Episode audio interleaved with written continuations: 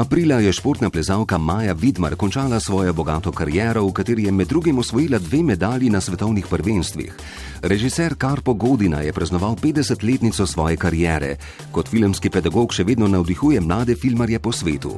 Prvo aprilsko ime tedna pa je postal fotograf, ki je zmagal na enem največjih fotografskih natečajev na svetu, Sony World Photography, Andrej Tarfila.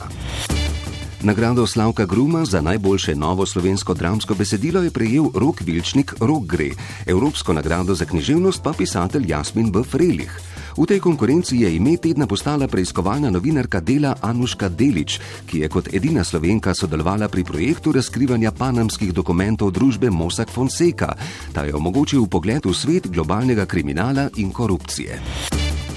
Letošnjo Plečnikovo nagrado sta prejela Matej Blenkuš in ekipa arhitektov, ki so skupaj zasnovali Nordijski center v Planici. Pilotu Mateušu Lenarčiču je uspelo, da je kljub birokratskim zapletom z ultralahkim letalom znova obkrožil svet. Zadnje aprilsko ime tedna pa je postal prvi slovenec, ki je prejel Pulicerjevo nagrado, Srdžan Živulovič. Razdelil si jo je z ekipo fotografov tiskovne agencije Reuters in New York Times.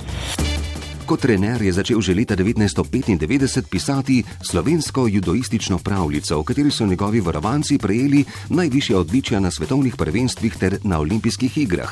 In letos je Evropska judoistična zveza Marjanu Fabjanu podelila nagrado za najboljšega trenerja v ženski konkurenci. Kandidat za ime tedna je bil tudi Uroš Brežan, župan Tolmina, ki je sredi aprila uradno postal alpsko mesto leta 2016. Ime tedna in meseca pa je postal novinar dela Boštjan Videmšek, ki s svojimi zgodbami že leta opozarja javnost na begunsko krizo, nominiran pa je bil tudi za European Press Prize 2016. Ime leta.